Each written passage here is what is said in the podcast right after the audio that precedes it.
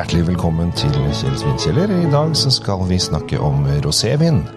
Å, det er godt, det er godt, det er godt. Å, vi, jeg kan faktisk glede meg litt allerede, for vi skal, vi skal ha litt ordspill i dag. Jeg har rabla for deg, sa noen.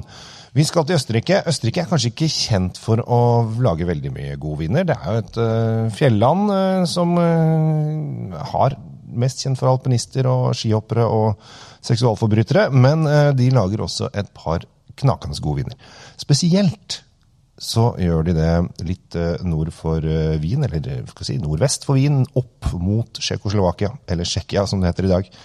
Og der har de en vinprodusent som heter Rabl som lager både rød og hvit og rosé. Jeg vil en dag ta frem hans um, rosévin, som jeg syns er fantastisk god.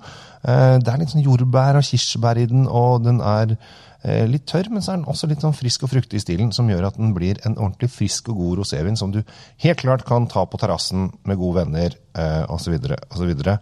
Og det er jo litt morsomt at den heter Rabl syns jeg, som uh, liker ordspill.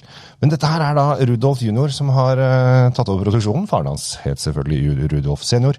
Uh, og det er han som driver og roller rundt og driver dagens, dagens produksjon i den lille, pittoreske landsbyen Langlois som ligger i Kampdal i Østerrike. vinen er jeg syns det er en veldig god pris. 140 kroner, eller 139,90. Eh, og bør ikke brukes til så altfor mye mat, egentlig. Jeg syns den rett og slett kan brukes som en aperitiff hvis du skal ha gjester og, og vil ha noe før dere går til bords. Eller rett og slett bare sitte og nyte. Det er for mye vin som skal liksom dyttes på til alle mulige matretter og ting og tang. Dette her må være bare en drikkevin. Og drikkeviner er helt fantastiske. Så det er eh, bare å klinke på. Eh, grunnen til at den kanskje blir så god, er at det her er et område der det er litt kaldt og kjølig. Eh, det er jo ikke noe Syd-Italia eller Australia vi er i, som gjør at den får en litt mer karakter i smaken. Og det syns jeg er, er, bra for vinen. Det de gjør, da, som jeg snakket om i en tidligere episode, er at de da, det er en rødvinsdrue som de lar presser og trykker, og så lar de det ligge med skallet i kanskje opptil 48 timer. Og så tar de av skallet, og så lar de bare saften gli ut, og så blir det rosévin.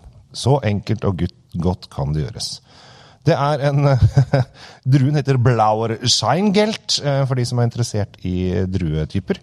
Eh, helt klart en eh, tysk-østerriksk drue som egentlig bare produseres der.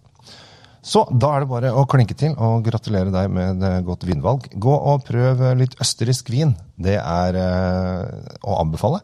Og det som er litt morsomt, er hvis du ser på flasken oppå toppen, så ser du at det er det østerrikske flagget.